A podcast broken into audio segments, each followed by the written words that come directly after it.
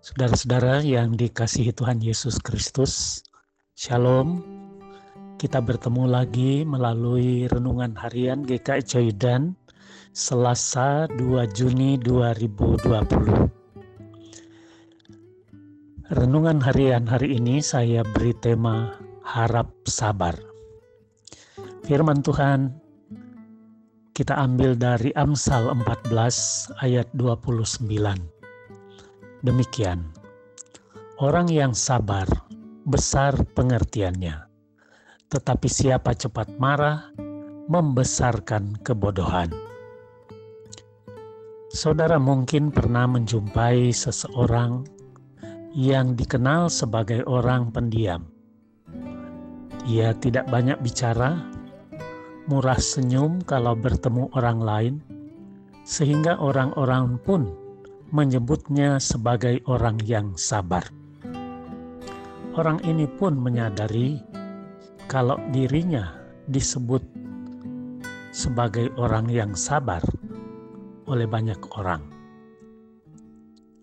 Saudara, suatu hari orang ini harus menghadiri acara di sekolah anaknya dan sudah terlambat karena sesuatu keperluan penting ia kemudian menyetir mobilnya seperti seorang pembalap, ngebut.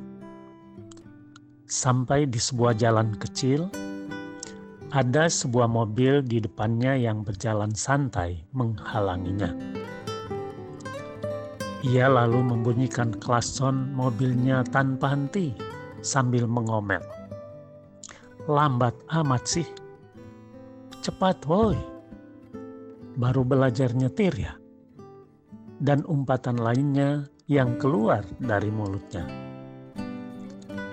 Pada suatu kesempatan lain, ketika orang tersebut jalan-jalan bersama keluarganya ke mall, anaknya rewel minta dibelikan mainan sambil merengek dan menangis, seperti kebanyakan anak kecil. Tiba-tiba saja orang ini membentak, bisa sabar nggak sih kamu?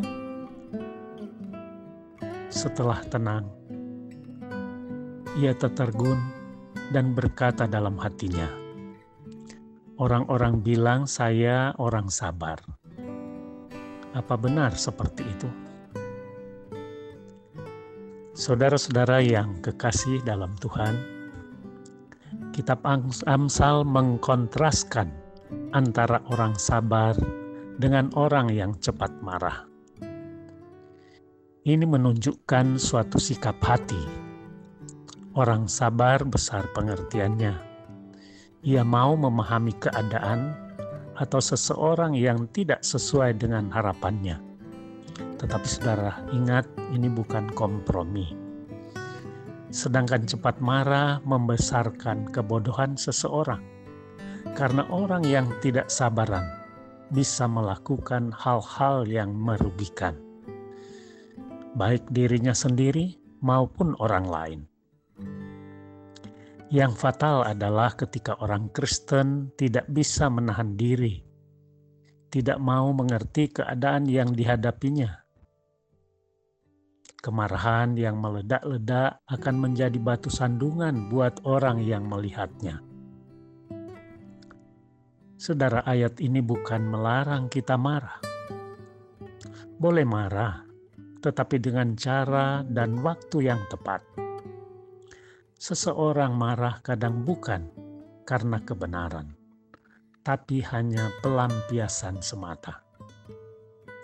Saudara yang kekasih, sifat sabar tercakup di dalam buah-buah roh, bisa lihat di Galatia 5 ayat 22, dan juga kasih di Korintus 13 ayat 4. Tuhan mau kita memiliki kesabaran. Kemarahan-kemarahan yang muncul tanpa kita sadari bisa menorehkan luka di hati orang-orang terdekat kita.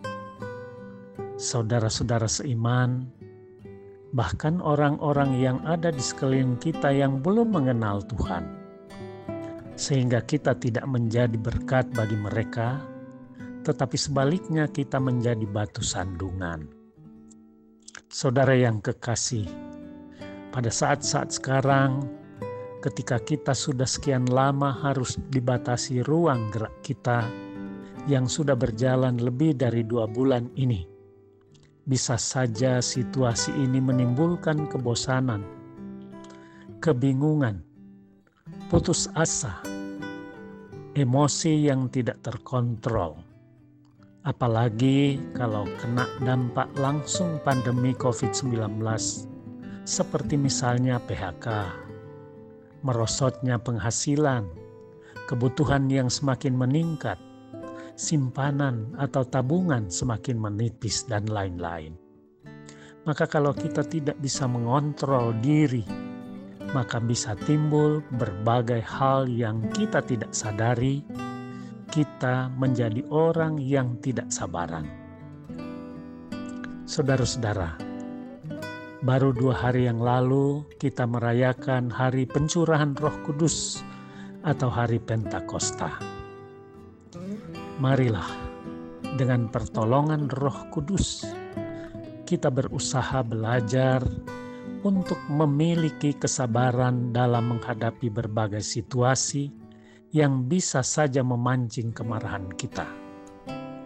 Kita harus menahan diri, bijak menghadapi situasi, bertindak, dan bersikap sabar, supaya orang bisa tetap melihat Kristus di dalam diri kita.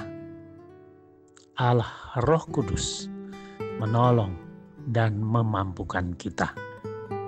Amin. Mari kita berdoa. Ya Tuhan yang di sorga, terima kasih untuk renungan hari ini.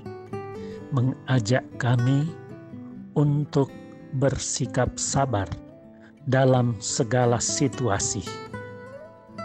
Terima kasih ya Allah Roh Kudus yang telah dicurahkan kepada kami pimpin dan sertai, serta mampukan kami untuk hidup sabar dalam segala keadaan dan dalam segala situasi.